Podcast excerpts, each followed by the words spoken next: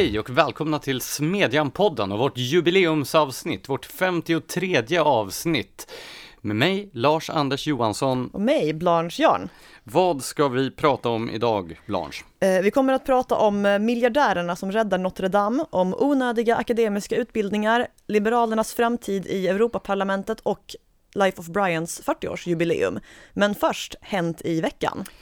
Ja, och då kommer vi tillbaka till den här frågan. Är det här vårt jubileumsavsnitt? Eller var det förra veckan Nej, som var det vårt... är vårt jubileumsavsnitt nu, för att det är 52 veckor på ett år. Vi hade 52 avsnitt, så nu börjar det nya året med det 53 avsnittet. Fast jag tänker att det sista avsnittet på året blir jubileet, eller? Fast då måste de ju flytta jubileet en vecka bakåt varje år. Ja, och till slut så blir det jubileum varje vecka. Nej, nej det blir det inte. Jag tänker på den här eh, historien om Achilles och sköldpaddan. Där Achilles aldrig kan komma ikapp sköldpaddan eftersom sköldpaddan rör sig sakta framåt hela tiden. Ja precis, och varje gång man har hunnit halvvägs så har sköldpaddan hunnit en liten bit längre. Har vi spårat ur redan innan Japp. vi ens... Okej. Japp. Eh, hur tänkte du fira då det här jubileumsdatumet? Jag har redan hällt i mig tre flaskor champagne som förberedelse för podden och det blir tre till så fort vi slutat spela in. Du då? Ja, jag tänkte att jag ikväll skulle gå och lyssna på min kollega som ska debattera jämställdhet på eh, Stadsteatern. Precis, det blir kul. Det är, det, är ju alltså, också... det är alltså du. Ja, precis. Det blir också ett sätt att fira.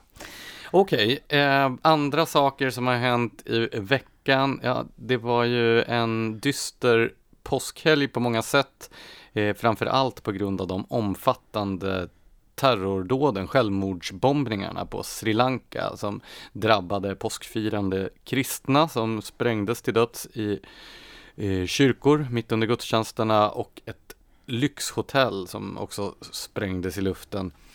Eh, Och det se, den senaste dödssiffra som jag har läst, det var 290 döda och över 500 skadade. Det vill säga, eh, det här är ju, om man lägger ihop terrordåden på Utöja och eh, i Christchurch så är det ju ungefär hälften av det här som hände i påskhelgen i Sri Lanka. Ja, jag gick in på Aftonbladet för att faktagranska dig och eh, enligt Aftonbladet så är antalet döda uppe i 359, vilket är extremt högt, även för sådana här koordinerade terrordåd som äger rum på flera olika ställen samtidigt. Det är en verkligen förskräcklig händelse. Och som vanligt då så har det utbrutit eh, diverse debatter kring rapporteringen om detta och huruvida makthavare har uttryckt sig på ett adekvat sätt. Eh, framförallt så var det väl Hillary Clinton och Barack Obama som kritiserades för att de nu döpt om eh, kristna till Easter worshippers. Det är en, påskdyrkare, Ja, det är väldigt märkligt. Det är någon slags sån här Tourettes. Jag vet inte om det är någon postkolonial tanke som spökar eller så, men det verkar vara väldigt känsligt att framställa kristna som offer, allra helst när det är islamister som är förövare, att det blir något sån här, de här eh, strukturella förtryckshierarkierna som sätts ur spel på något sätt. Fast för att vara lite djävulens advokat, eller i alla fall Hillary Clintons advokat, händer det inte att man vid den här sortens fall talar om personer utifrån vilken aktivitet det var där för att göra. Du vet Bataclan-dåden i Paris till exempel, konsertbesökare, eh, påskfirande kyrkobesökare. Jo, men Easter worshippers är ju inte det vedertagna begreppet för påskfirare heller, så att det är ju liksom Så du menar man skulle sagt typ churchgoers? Ja, möjligen. Eller att man, alltså påskfirare är, det, är ju rimligare än påskdyrkare. Det, det här ordvalet, nu tycker jag inte vi ska hänga upp oss för mycket på det, men det andas en slags nervositet som alltid dyker upp i de här frågorna. Många har ju också gjort kopplingar till det här terrordådet i Christchurch som du nämnde, som ju ägde rum för inte särskilt länge sedan och var en attack mot, eh, jag, vad, är, vad är den muslimska motsvarigheten till påskdyrkare? Ramadandyrkare? Ja, jag vet inte. Nej, men eh, det är lite problematiskt här. Eh, terroristerna, de säger ju att det här dådet var en hämnd för terrordådet i Christchurch i Nya Zeeland.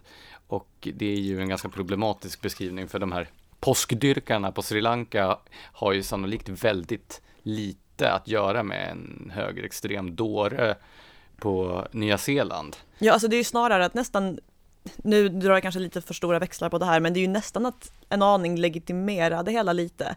Eftersom det är ju alltid mer okej okay att angripa någon som hämnd än att bara angripa någon out of the blue. Och det var ju det senare som skedde i det här fallet. Ja, det blir framförallt att sprida terroristernas förvridna narrativ här. Naturligtvis var inte det här en hämndaktion utan ett angrepp på helt oskyldiga människor i en helt annan del av världen. Precis som naturligtvis den här eh, Christchurch-terroristen angrep helt oskyldiga människor i en annan del av världen. Han påstod väl att hans dåd var en hämnd för Drottninggatan. Och så... Ja, precis. Och sen väljer han det land som, om jag har koll på det så ligger det på den direkt motsatta sidan av jordklotet. Så det är alltså så långt ifrån att hämnas på rätt plats som man skulle kunna komma, bara rent geografiskt. Ja, vi eh, kan väl konstatera att det var en otroligt tragisk och dyster påsk som inleddes där med branden i Notre Dame och sen kulminerade med, med de här fruktansvärda terrordåden. Vi kan väl fortsätta med dystra nyheter, om än inte lika tragiska. Vi har haft ett antal skogsbränder runt om i Sverige på grund av det fina påskvädret. Eller på grund av den globala uppvärmningen som vi nu har lärt oss sedan förra sommaren är orsaken till alla bränder som äger rum. Ja, det här är också så problematiskt att personer som verkligen inte är auktoriteter på miljö och klimatområdet rycker ut så fort det händer någonting väderrelaterat och tar det som intäkt för då att man ska genomföra omfattande aktivism på klimatområdet. Jag minns ju för förra sommaren när det var jättekallt då förklarade förnumstiga personer för mig att nej men så här kommer det att bli nu. För på norra halvklotet kommer vi att få kallare och kallare somrar och det är en konsekvens av att klimatsystemen har satts ur spel. Och sen förra sommaren då när det var jättevarmt, då förklarade förnumstiga personer för mig att nej men det här, det är ett bevis på att det bara blir varmare och varmare. Nu kommer somrarna att bli varmare för varje år. Ja, alltså du får ju välja en linje. Det kan ju inte tolka både värmen och kylan som ett tecken på deras egen poäng. Hade jag varit dem hade jag valt kylan eftersom den är betydligt vanligare vanligare eh, i svenska somrar. Det som vi kunde konstatera då när vi skrev om eh, skogsbränderna förra sommaren, det är ju att trots medieuppmärksamheten så blir skogsbränder mindre och mindre vanliga i Sverige. Det som däremot är problematiskt är att eh, brandbekämpningskapaciteten blir sämre och sämre. Ja, Myndigheten för samhällsskydd och beredskap är ju upptagen med att ta fram genusstyrdokument, så det kanske inte är så konstigt. Så vi får säkert anledning att återkomma till skogsbrandsfrågan, allra helst om det blir en varm sommar även i år. Eh, sen så har eh, det socialdemokratiska skyltfönstret Göteborg visat framfötterna igen. ja, jag hatar när det händer, men den här gången så är det folkölsbutiken Fölk, jag tror det här är en Göteborgsvits, Eh, som har, eh, den kommer att lägga ner. Eh, vilket är väldigt synd eftersom en folkölsbutik är så nära man kommer en delikatessbutik på ölområdet så länge Systembolaget existerar. Grejen är alltså att, om jag förstår det här rätt, det har arrangerat folkölsprovningar och eftersom folkölsprovningar inte regleras i alkohollagen så har Göteborgs kommun tolkat det som att det därmed måste vara förbjudet. Och det här är ju en väldigt spännande syn på lagstiftning. Det är den här socialistiska idén om att allting är förbjudet från början och alla pengar tillhör staten från början och sen kan den i sin nåd ge en pengar alternativt tillåtelse att göra saker. Ja, och just på alkoholområdet blir det här lite märkligt, för att om nu allting är förbjudet som inte reglerats i lag, då kunde det väl ha låtit bli att förbjuda alkoglass för alla som inte är Systembolaget. Ja, det låter ju väldigt tråkigt. Eh, man kan ju tycka också att de kunde ha överseende med en folkölsbutik. Hela folkölskonceptet är väl ganska sossigt till sin natur. Alltså är det ens möjligt att bli full på folköl? Jo då, som eh, gammal punkare så har jag om, gjort omfattande empiriska studier på det här området. På just folkölsområdet? På just folköl. Folköl som... känns verkligen inte punk.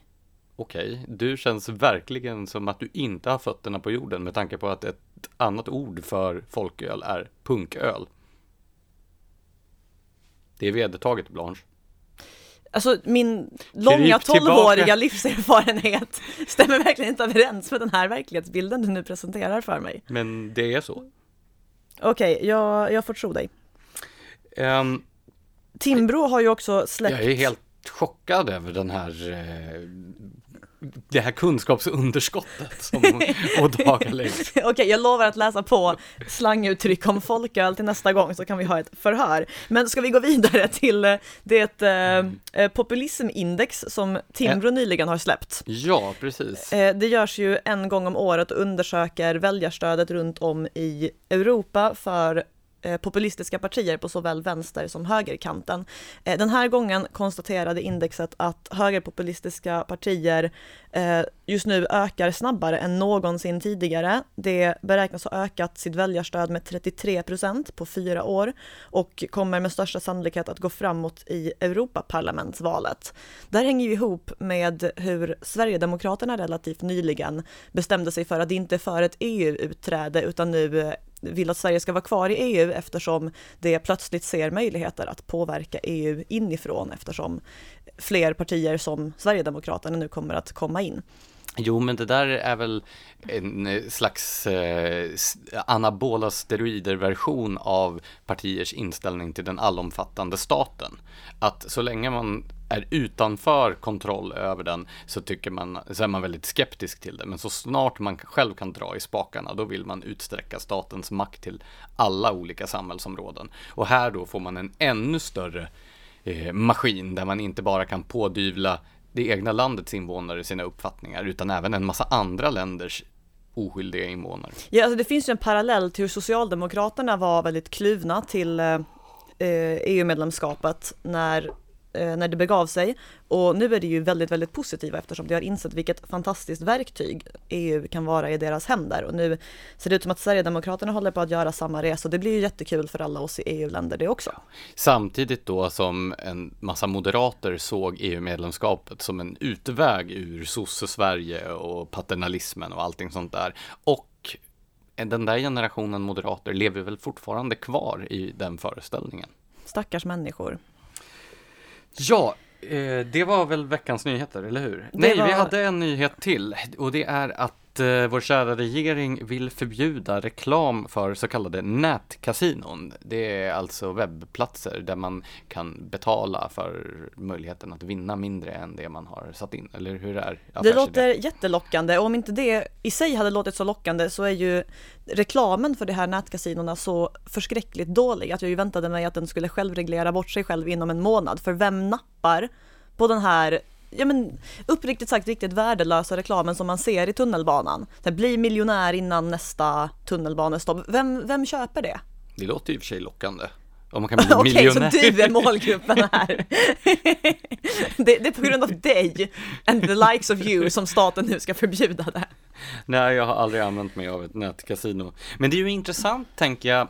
Oftast så används ju snyftargument, det vill säga att människor som ser den här reklamen förväntas bli helt förtrollade av den och sen genast ta sms-lån och eh, skuldsätta sig och förstöra sitt liv på grund av nätkasinon. Men samtidigt så har ju vårt bärande regeringsparti, Socialdemokraterna, själva en omfattande lotteriverksamhet som de finansierar en betydande del av partiets verksamhet med. Känner du till det här uttalan, eller det här citatet, på sig själv känner man andra? Känner du till det här eh, konceptet, det är okej okay när vi gör det? ja. Smedjan kommer snart att öppna ett nätkasino.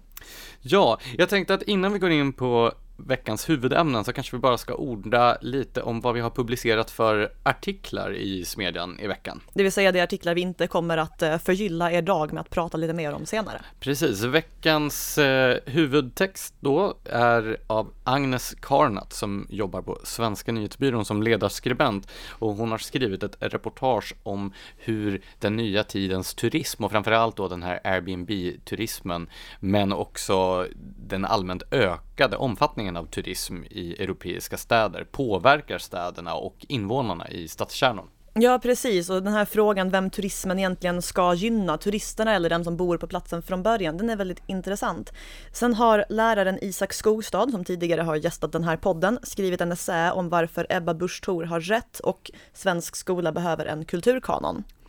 Ja, och jag har skrivit en krönika då om den bizarra jakten på fotbollssupportrar som polis och andra myndigheter ägnar sig åt. Där man tydligen anser att sådana här bengaliska eldar på läktarna är ett så omfattande Eh, samhällsproblem att man har velat utsätta då tiotusentals oskyldiga åskådare för en mycket intim form av kroppsvisitering vecka ut och vecka in och det här har ju väckt ont blod då i supporterleden. Ja, jag fick starka metoo-vibbar när jag läste beskrivningen av det här kroppsvisitationssystemen. Eh, Eh, Sverigedemokraten Charlie Weimers som kandiderar till Europaparlamentet har bemött Timbro-medarbetaren Emanuel Örtengren i en eh, debatt om den överdimensionerade EU-budgeten som Emanuel sen har svarat på. Och sen har Johanna Patricius recenserat Michelle Obamas bok Min historia. Det är väl eh, huvudsakligen veckans yes. texter, förutom de vi nu ska, eh, ska avhandla. Precis, låt oss börja med eh, Notre Dame och insatserna för att återuppbygga den som du har skrivit en text om. Precis, Länge leve miljardärerna var min rubrik. Och, eh, den mest timbroiga rubriken någonsin. Ja, nej men eh, påsken inleddes som vi nämnde med att den magnifika gotiska katedralen Notre Dame i Paris eldhärjades och det såg riktigt, riktigt illa ut där på, på kvällen. Men eh, men det visade sig vara mindre illa än vad det var, eh, eller än vad det såg ut, för det var taket som brann upp. Visserligen 30 trä från 13 000 ekar med rötterna i 700 och 800-talet. Så det är fortfarande ett oersättligt kulturarv. Men själva kyrkorummet klarade sig eh, relativt oskatt. Orgeln läste jag häromdagen klarade sig helt oskadd. Och, och de fönstren. här magnifika målade eh, rosettfönstren också. Så att eh, det kunde ha varit så mycket värre.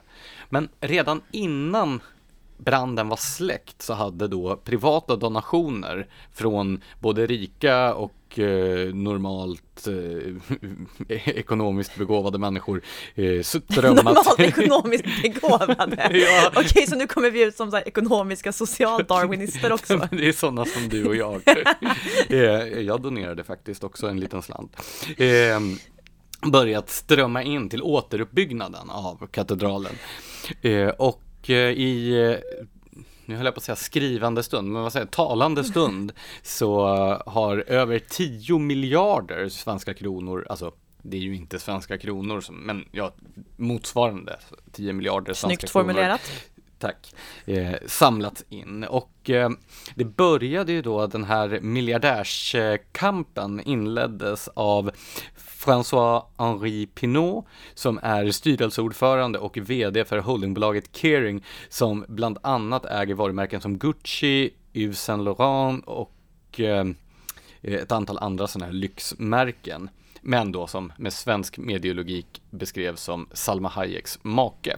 Ja, det här har vi ju pratat om, jag vill fortfarande påstå att Salma Hayek inte är tillräckligt känd för att det ska vara legit att tala om andra som hennes make. Han meddelade i alla fall redan innan branden var släckt att han skänkte 100 miljoner euro, alltså motsvarande en miljard svenska kronor, till återuppbyggnaden. Och detta hyllades han naturligtvis för ända tills en annan fransk miljardär, nämligen Bernard Arnault, jag Ett tror... namn vi har negativ erfarenhet av här i Sverige. Jag vet inte om det finns några, några släktkopplingar där, men eh, han är i alla fall ägare till LVHM som eh, äger bland annat då Louis Vuitton, Moët et Chandon, alltså champagnen och konjaken NSI. Det låter rätt gött. Ja, eh, och om man då vill stödja återuppbyggnaden av Notre Dame så ska man dricka champagne och konjak. Vilket ju är hur jag har firat Smedjans jubileum. Allting går ja. i en cirkel här. Hur som helst, eh, Arnault, alltså Bernard Arnault. Den bra Arnault. Gick då ut och eh, meddelade att han skänker 200 miljoner euro till återuppbyggnaden. Där fick Pinot så han teg. så att det är, eh, och de här två eh, donationerna är ju inte heller de enda, utan det har ju kommit in många stora donationer från eh, rika privatpersoner. Det här är världens bästa sorts godhetssignalering.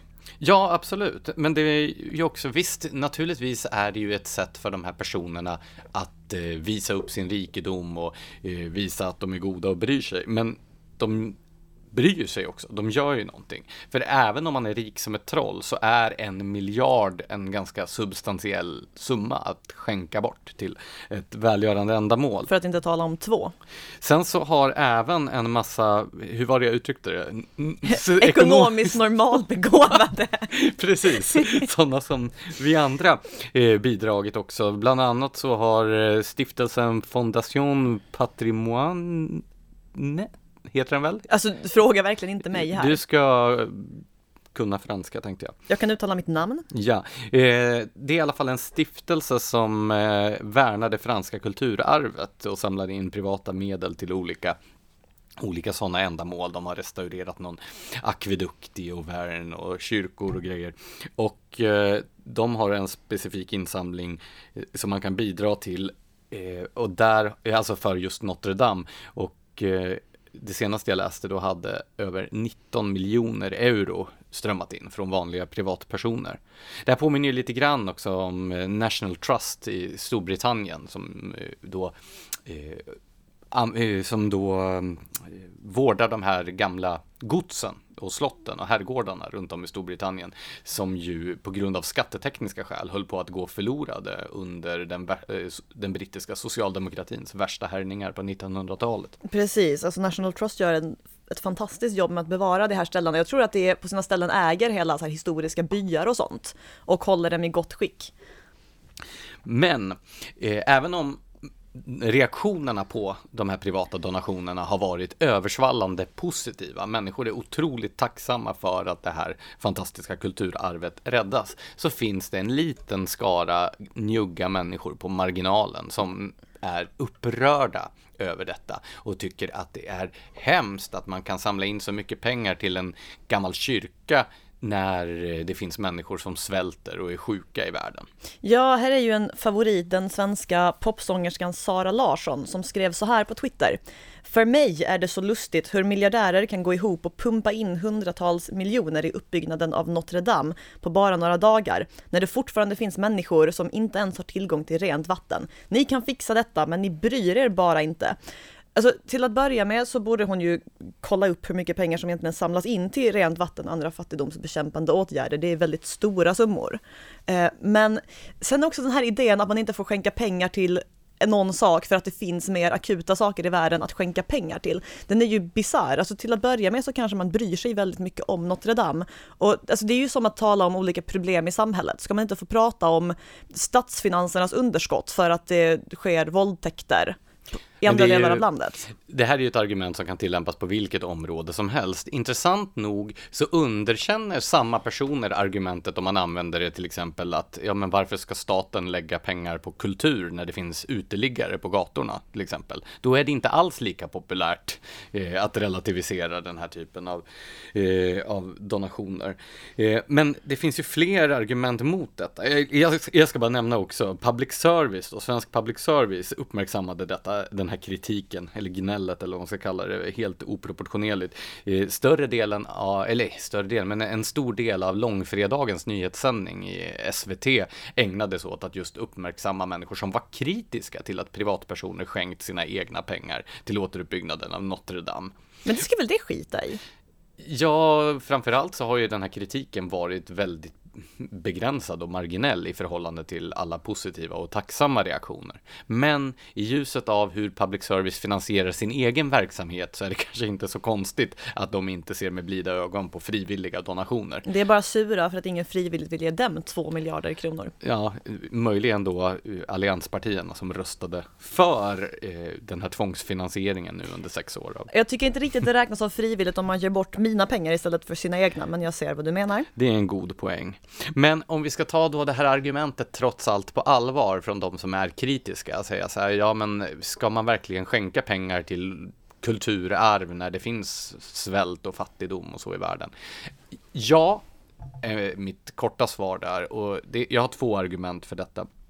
Det ena är att eh, alla problem löses inte av att man häller pengar på det. Det här med att miljardärerna skulle lösa, kunna lösa världens fattigdom genom att dela ut sina egna pengar, det bygger ju på en väldigt grund förståelse av ekonomiska realiteter. Att det skulle vara ett slags nollsummespel, att pengarna i världen är konstanta och att man bara ska fördela ut dem. Eh, det som eh, rika företagsägare och företagsledare kan göra för att lyfta länder ur fattigdom, det är ju framförallt att investera i de här länderna, eh, anställa människor, se till att länderna lyfter sig genom produktivitet och ekonomisk tillväxt. Sen kan man naturligtvis genom välgörenhet göra skillnad på marginalen och lösa akuta kriser, svältkatastrofer och så vidare. Och här finns det ju gott om eh, exempel på just privata donationer. Ikea Foundation är ju den största bidragsgivaren till eh, UNHCR till exempel. Eh, Bill Gates, en av världens rikaste personer, Warren Buffett, de har ju skänkt bort merparten av sina förmögenheter. Så det här gnället om att miljardärer inte skänker bort saker till eh, människor i nöd, det är ju helt felaktigt egentligen.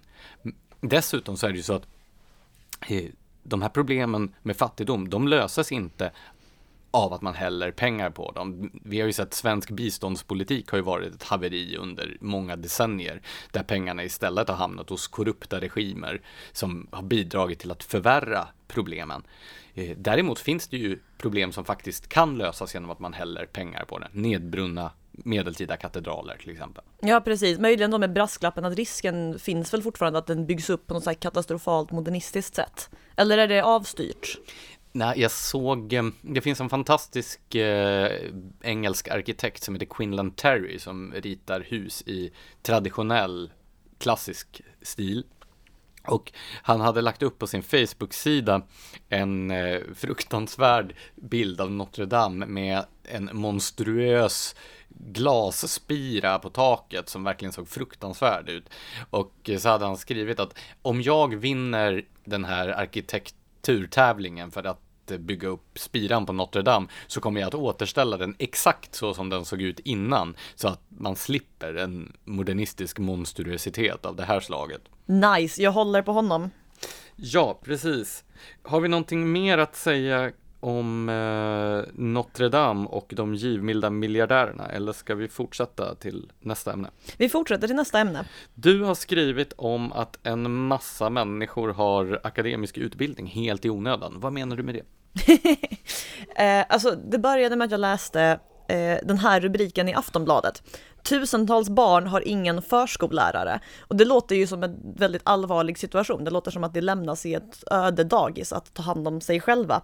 Eh, man klickar in på artikeln och så ser man ett uttalande från ett undervisningsråd på Skolverket som säger att det är en väldigt allvarlig situation. Och sen så läser man lite till och inser att i själva verket så är det bara det att några tusen barn i Sverige inte har någon, någon eh, förskollärare med akademisk examen.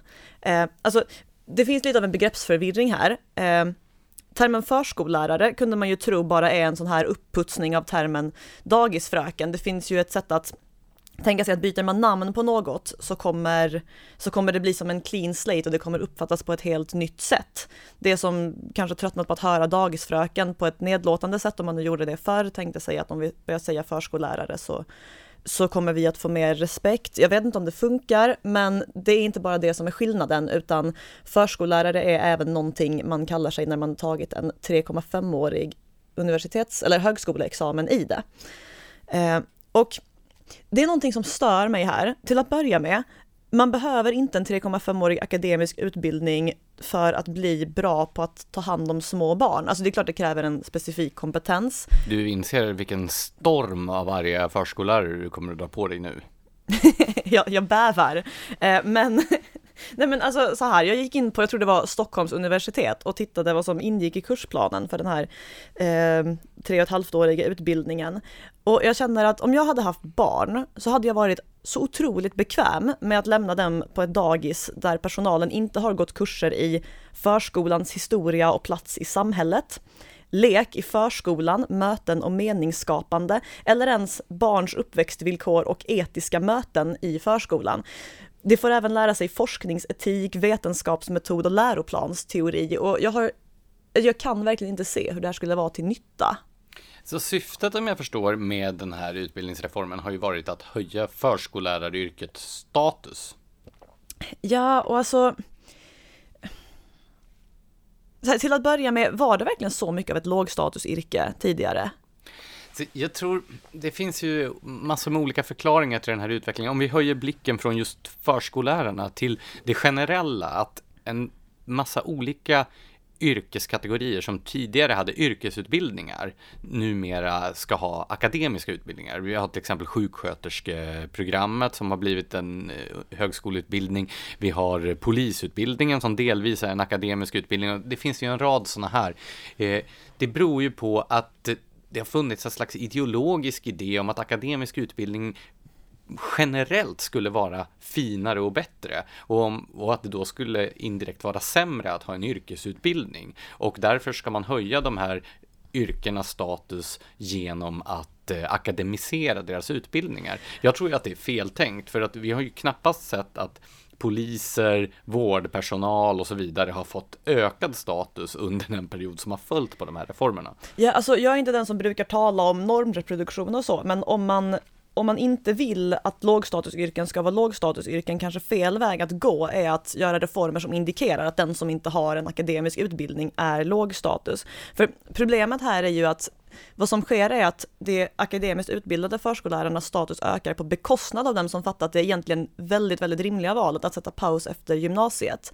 För vad man måste jämföra här är den som har suttit i 3,5 år och studerat förskolan akademiskt med det som arbetat där i 3,5 år jag tror arbetslivserfarenhet är väldigt underskattad i dagens samhälle. Och sen går folk runt och talar om det som ett allvarligt problem, att det bara är det som har skaffat sig arbetslivserfarenheten som tar hand om barn och inte det med den akademiska utbildningen. Det är nedvärderande mot dem som har sagt punkt efter gymnasiet. Ja, en annan konsekvens av den här utvecklingen har ju också blivit att även akademisk utbildningsstatus har urholkats genom att kvaliteten har sänkts, när det har blivit för stora utbildningsgrupper, när universiteten förväntas lösa alla samhällets problem, så blir det istället eh, ingenting av det. Det här kan man ju se då eh, till exempel när humaniorautbildningarna har använts som arbetsmarknadspolitiska åtgärder.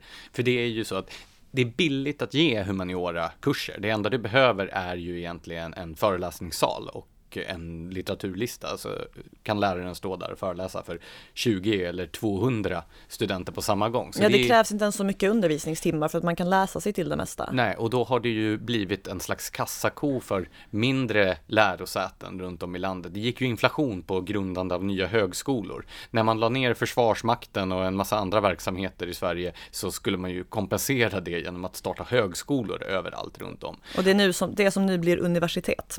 Ja, precis. Eh, och det här ledde i sin tur till en inflation i antalet undervisningsplatser, framför allt då i ämnesområden, på ämnesområden som är billiga att ge undervisning i, vilket i sin tur naturligtvis har lett till en försämrad kvalitet, lägre antagningskrav, betygsinflation och så vidare och så vidare. Och konsekvensen av det i sin tur gör ju att när arbetsgivare vet att ja, men det här är en utbildning där det inte krävs någonting att komma in, ja, men då sänks ju den utbildningens status på arbetsmarknaden också. Ta, jämför till exempel med Eh, England och USA där humaniorautbildningar är högstatusutbildningar där du i princip kan få vilket jobb som helst om du kan visa att du har läst filosofi eller engelsk litteratur eller så på ett prestigeuniversitet så ser det ju inte riktigt ut på den svenska arbetsmarknaden. Precis, alltså där tänker man sig att den som har klarat av att exempelvis gå en utbildning i filosofi har en kapacitet för att lära sig saker som även kan vara användbar på andra områden och därför blir personen attraktiv på arbetsmarknaden. Men det finns ju också mer små, alltså svårmätbara effekter av den här expansionen av högre utbildning. Eh, jag tror vi har hänvisat tidigare till David Goodharts bok The Road to Somewhere, eh, men den handlar i alla fall om en, eh, en delvis livsstilsmässig och delvis mental klyfta som har vuxit fram mellan vad han kallar etablissemanget, det vill säga högutbildade, höginkomst, hög och medelinkomsttagare och resten.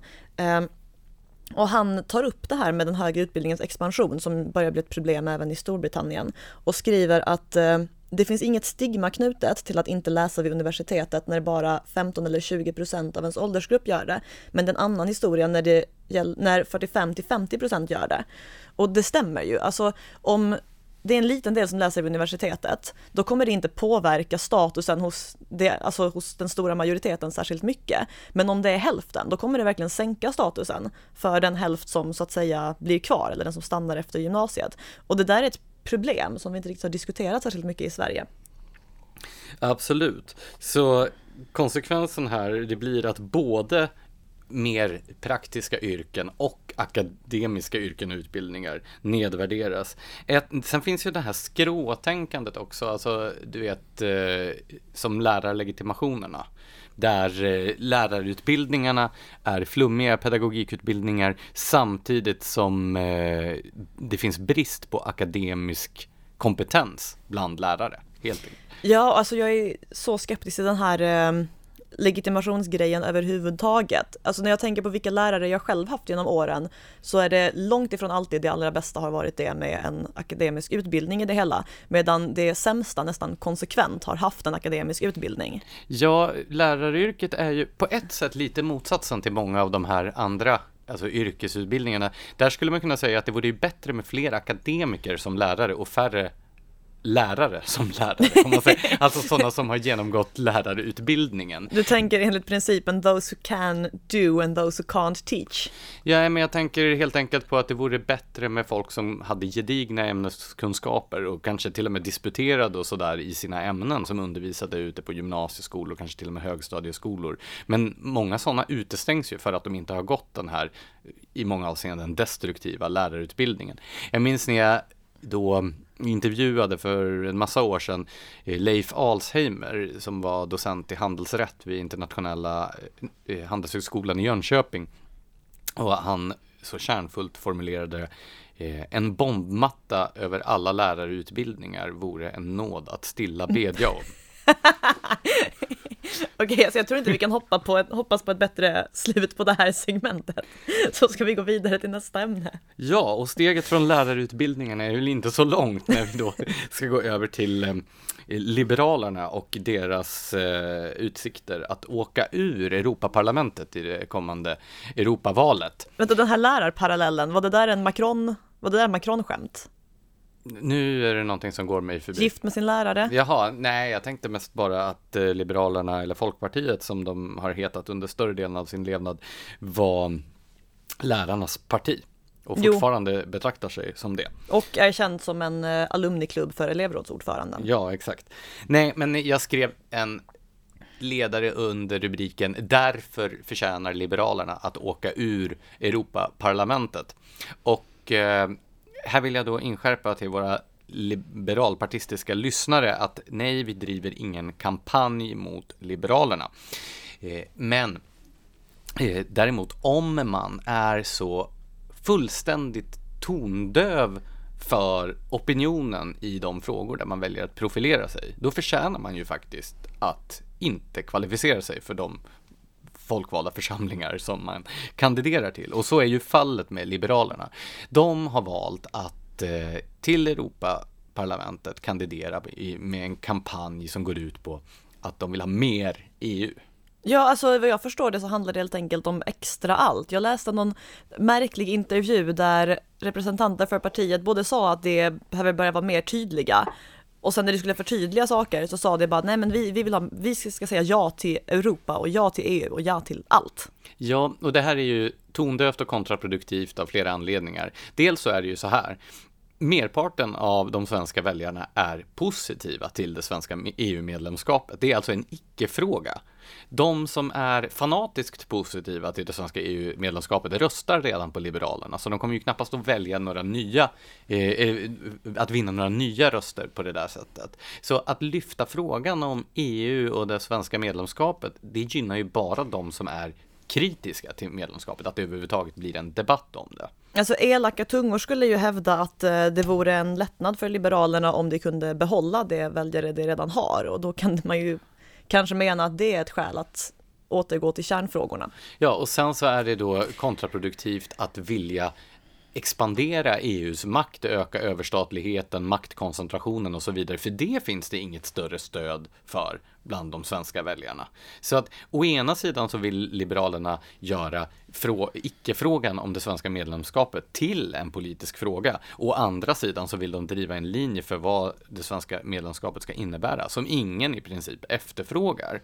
Och eh, det finns ju några ganska magstarka uttryck för vad det är de vill göra med EU. Till exempel så kampanjar de för en eh, gemensam europeisk koldioxidskatt.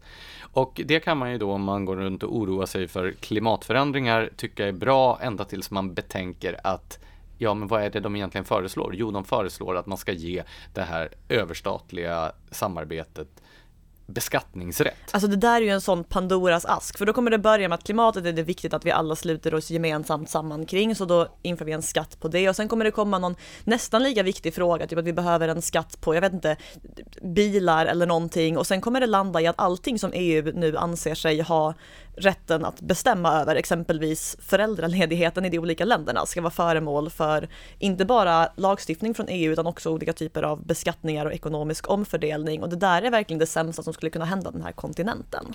Ett annat exempel på den här tondövheten, det är ju att Liberalerna också vill göra abortlagstiftningen till en överstatligt beslutad fråga. Alltså jag skulle vilja se Birgitta Olsson sitta och förhandla abortlagstiftning med polska konservativa.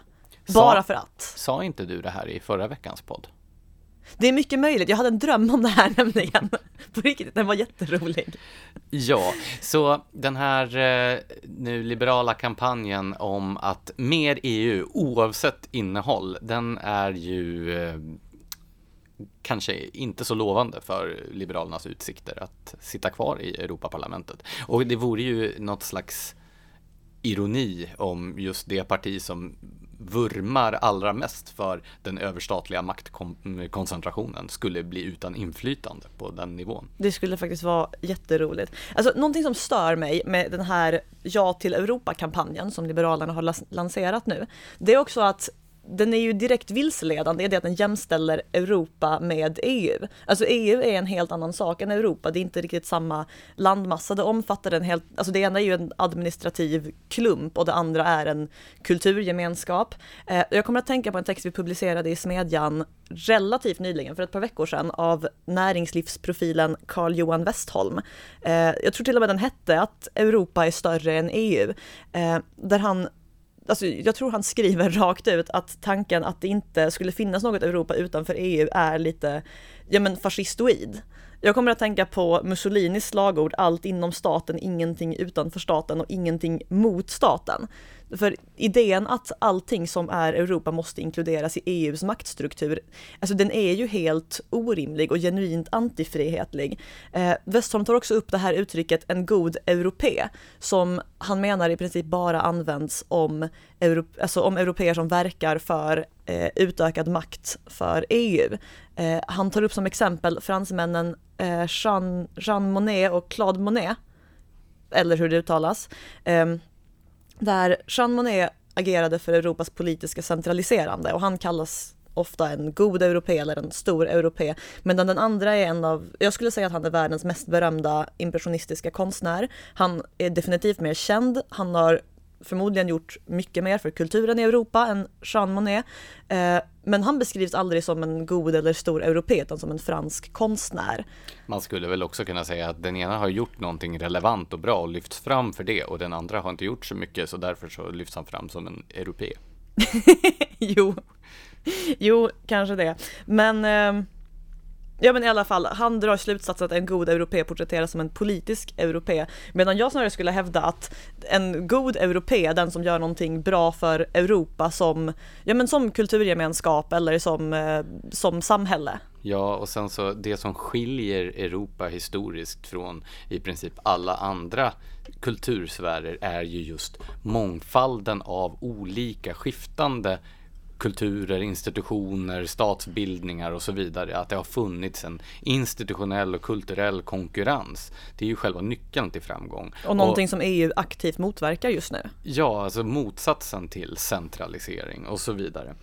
Eh, ska vi då gå vidare till dagens sista ämne. Du har varit på bio under påskhelgen. Ja, det var jättetrevligt. Eh, Monty, Monty Pythons eh, komiska mästerverk Life of Brian har 40-årsjubileum i år och den visades eh, på olika biografer runt om i landet till påskhelgen. Jag gissar att det har att göra med att den, alltså filmen, framförallt eh, parodiserar olika typer av religiösa uttryck som påsken och eh, sektvänstern.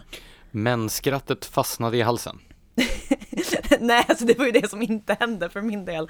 Alltså det var, det var kanske en så här halvfull biosalong och vid de första liksom roliga scenerna då skrattade alla rätt mycket som man gör när man ser Monty Python för att det är jätteroligt. Och sen kommer den här, alltså det är en av de bästa scenerna där eh, jag tror det är The People's Front of Judea, det finns diverse olika falanger med nästan identiska namn, som sitter och diskuterar eh, någonting ideologiskt och en av eh, medlemmarna plötsligt kommer ut som eh, transsexuell. Han vill vara en kvinna och kallas Loretta och han möts eh, av ett ganska komiskt ifrågasättande. Inte elakt, men det är ett ifrågasättande på ett sätt som kanske inte skulle vara så PK att använda sig av idag. Och det är en jätterolig scen, så komisk timing, det är kul repliker. Så jag skrattade rätt mycket och sen insåg jag hur många omkring mig som var dödstysta. Alltså det var inte så att ingen annan skrattade, men det som skrattade var liksom lite mer nervösa, lite tystare och sen så tystnade det rätt snabbt igen. Och då var det här ändå i Vasastan, ett par vänner till mig gick och såg den eh, på Söder några dagar tidigare och det beskrev hur det var helt tyst i biosalongen förutom just det själva som skrattade. Och vad beror det här på? Alltså, till att börja med så är det ju, alltså, vi lever ju inte i jättebra tider för komedi. Olika kända komiker har ju varit ute och sagt att de inte längre uppträder på till exempel college campus och likn- eller universitetscampus eh, och liknande ställen för att det helt enkelt inte går att skämta där på grund av den politiskt korrekta miljön. Eh, jag läste också relativt nyligen att eh, tv-serien Vänder, en 90-tals livsstils sitcom som är alltså, milt underhållande men framförallt väldigt, väldigt harmlös, eh, får massor av kritik från millennials nu eftersom den anses vara sexistisk, homofobisk och transfobisk. Det eh, låter ju fruktansvärt. Ja, men alltså jag har sett, full disclosure, jag har sett samtliga avsnitt i den här serien och de flesta mer än en gång. Alltså det är väldigt svårt, nu ger du mig den där blicken och jag förstår vad du menar, alltså det är jag hade kunnat göra bättre saker av mitt liv där i slutet av tonåren, absolut. Men nu har jag sett dem och därför kan jag intyga Du hade kunnat dricka punköl till exempel. alltså, jag, jag, drack ju, jag drack ju öl. jag, vill, jag vill bara liksom jag var en normal tonåring också. Eh, men jag kollade väldigt mycket på vänner. Jag kan intyga Jag är inte övertygad. jag förstår det. Eh, hur som helst, jag var tvungen att googla för att lista ut vad i hela världen som kunde uppfattas som homofobi och transfobi i den här serien. Eh, och då fick jag fram exempel som att en manlig barnvakt får frågan om han är homosexuell och att en av personerna använder sin pappas manliga förnamn trots att pappan eh, sedan dess börjat identifiera sig som kvinna. Det här kallas eh, dead naming, eh, ett begrepp som blev stort när eh, kändisen Bruce Jenner blev Caitlyn Jenner. Eh, den som då använder namnet Bruce, om henne har deadnamat henne för att det namnet är dött nu. Alltså även när man talar om Caitlyn innan hon gjorde sitt könsbyte så får man inte säga Bruce. Gäller det här även äkta makar som byter efternamn? Om jag till exempel råkar kalla min kompis för eh, hans tidigare efternamn har jag deadnameat honom då? Du kan ju prova och se vad som händer. Lite spänning i vardagen. Och vad, förväntar, vad, vad innebär det för sanktioner då om man råkat deadnamea någon? att ingen skrattar i biosalongen. Jag vet inte, men vad som vad jag kommer att tänka på i det här sammanhanget är att just transsexuella personer är, dels är det förmodligen en av de allra känsligaste grupperna att skämta om idag. Alltså jag kommer inte på någon som är mer politiskt inkorrekt att skämta om. Centerpartiet har väl ganska ömma tår också? Det där är inte skämt, det är hat och det är en helt annan ja, visst, sak. Ja, det är, så är det, ja. We should know, vi ägnar oss ju åt det hela tiden. Eh, nej men jag, jag googlade lite så här eh, transfobisk komedi och hittade massor av kända komiker, typ eh, Dave Chappelle och Ricky Gervais, som alla har blivit anklagade för transfobi för skämt om könsbyten som är alltså så milda att det nätt och jämnt är skämt.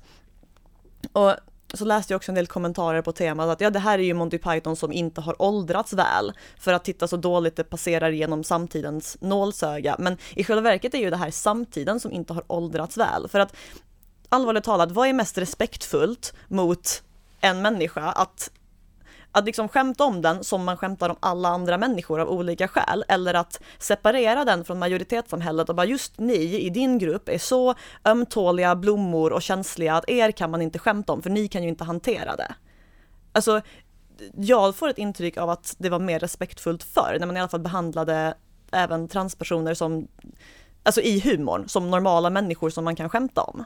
Jo, absolut. Jag skulle väl säga att det finns somliga religiösa grupper som också är ganska ömhudade. Och till skillnad från transpersonerna så riskerar man ju att om man skämtar om somliga av världsreligionerna att vara tvungen att leva under eh, livslångt Säpo-beskydd för att inte bli mördad. Eller alternativt då eh, att man blir mördad. Ja, det har ju tyvärr inträffat. Alltså, jag tycker också det finns en skillnad mellan de grupper som, alltså det finns ju tre kategorier här kanske till och med fyra. Det finns grupper som inte bryr sig om att man skämtar om dem. Det finns grupper som blir sårade och eventuellt protesterar lite men som inte försöker tvinga någon att sluta. Lite som de kristna som blev upprörda och ledsna när man i Uppsala domkyrka ställde ut Elisabeth Olsson Wallins utställning Ecce Homo där Kristus framställdes som läderbög. Kan du föreställa dig motsvarande utställning med Muhammed i huvudrollen på, i Stora moskén på Medborgarplatsen? Med tanke på vad som hände när man hade tecknat honom så i en fransk serietidning så kan jag tyvärr göra det. Eh, sen finns det ju kategorin som blir kränkt och försöker tvinga den som upplevs kränkande att ändra på sitt beteende och sluta skämta.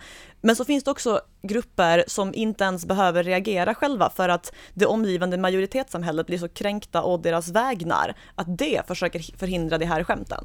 Ja, jag tror att den här särställningen som skämt kring just islam och dess eh, heliga eh, personer och platser eh, har fått, det beror ju på två saker. Dels då en motiverad rädsla för vad som kan hända om man utmanar de här eh, fundamentalistiska grupperna som är beredda att gripa till våld.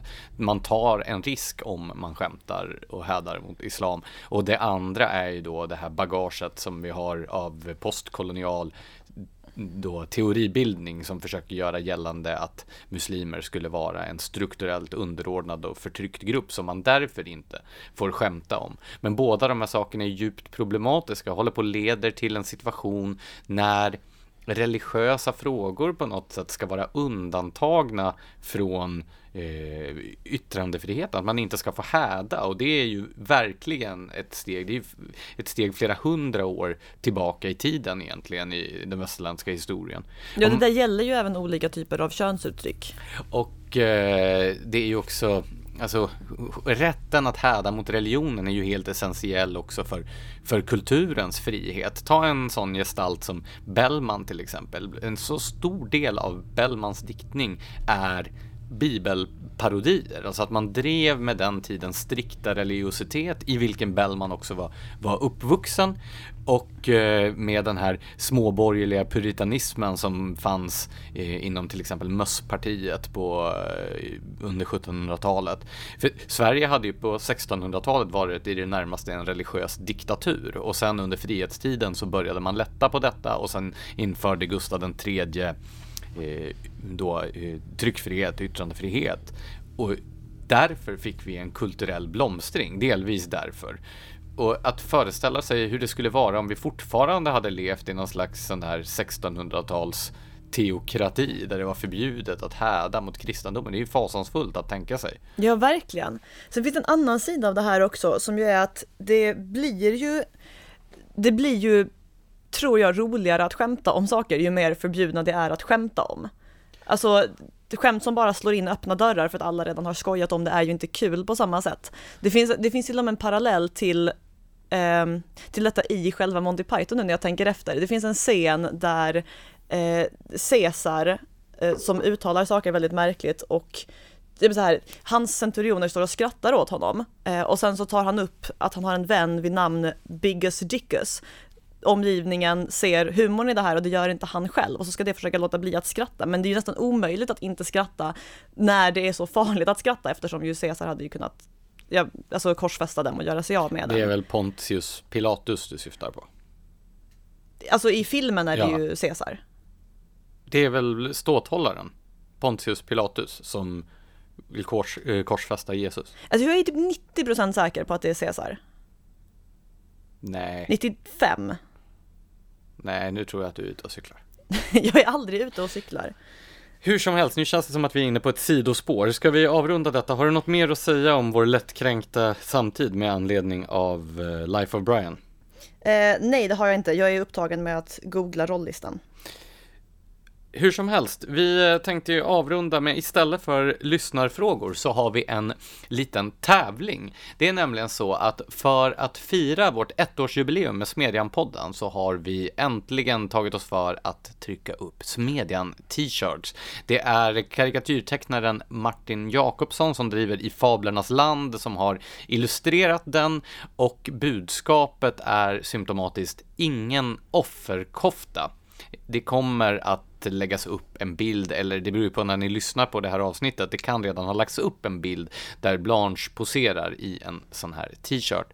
Hur som helst, om ni själva skulle vilja ha en sån här t-shirt så har ni möjlighet att vinna en sån. Och tävlingen går ut på att ni mejlar till mig, lars.anders.johansson.timbro.se era motiveringar till vem som borde ha en sån här tröja med texten Ingen offerkofta. Och den som, eh, den som har den bästa motiveringen kommer själv att vinna en sån här t-shirt och vi kommer att även försöka i möjligaste mån att förse personen som har nominerat med en dylik också. Eh, det kommer också att gå bra att leverera motiveringarna under bilden på Blanche i den här tröjan. Precis, av rent eh, kroppsnormativa skäl finns det enbart i storlekarna XS till XL. Man eh, får med fördel ange vilken storlek man själv har. Va- vad skulle det annars finnas för storlekar menar du? XXXL? Ja, men XXL är ju i blåsväder nu så, Ja, just det. de kan vi inte ha med Ja, det är därför vi har låtit bli den storleken. I Precis. ett avståndstagande. Eh, Och med de orden, så vill vi eh, påminna er om att också gå in på vår sida www.timbro.se smedjan och läsa alla eh, fantastiska artiklar vi har publicerat i veckan samt följa oss på Facebook och Twitter. och naturligtvis om ni inte redan gjort det, skriv upp er på er till, på ert, på vårt, på vårt nyhetsbrev så får ni våra artiklar i er inkorg varje morgon. Och med de orden önskar vi er alla en trevlig helg. Tack för att ni har lyssnat.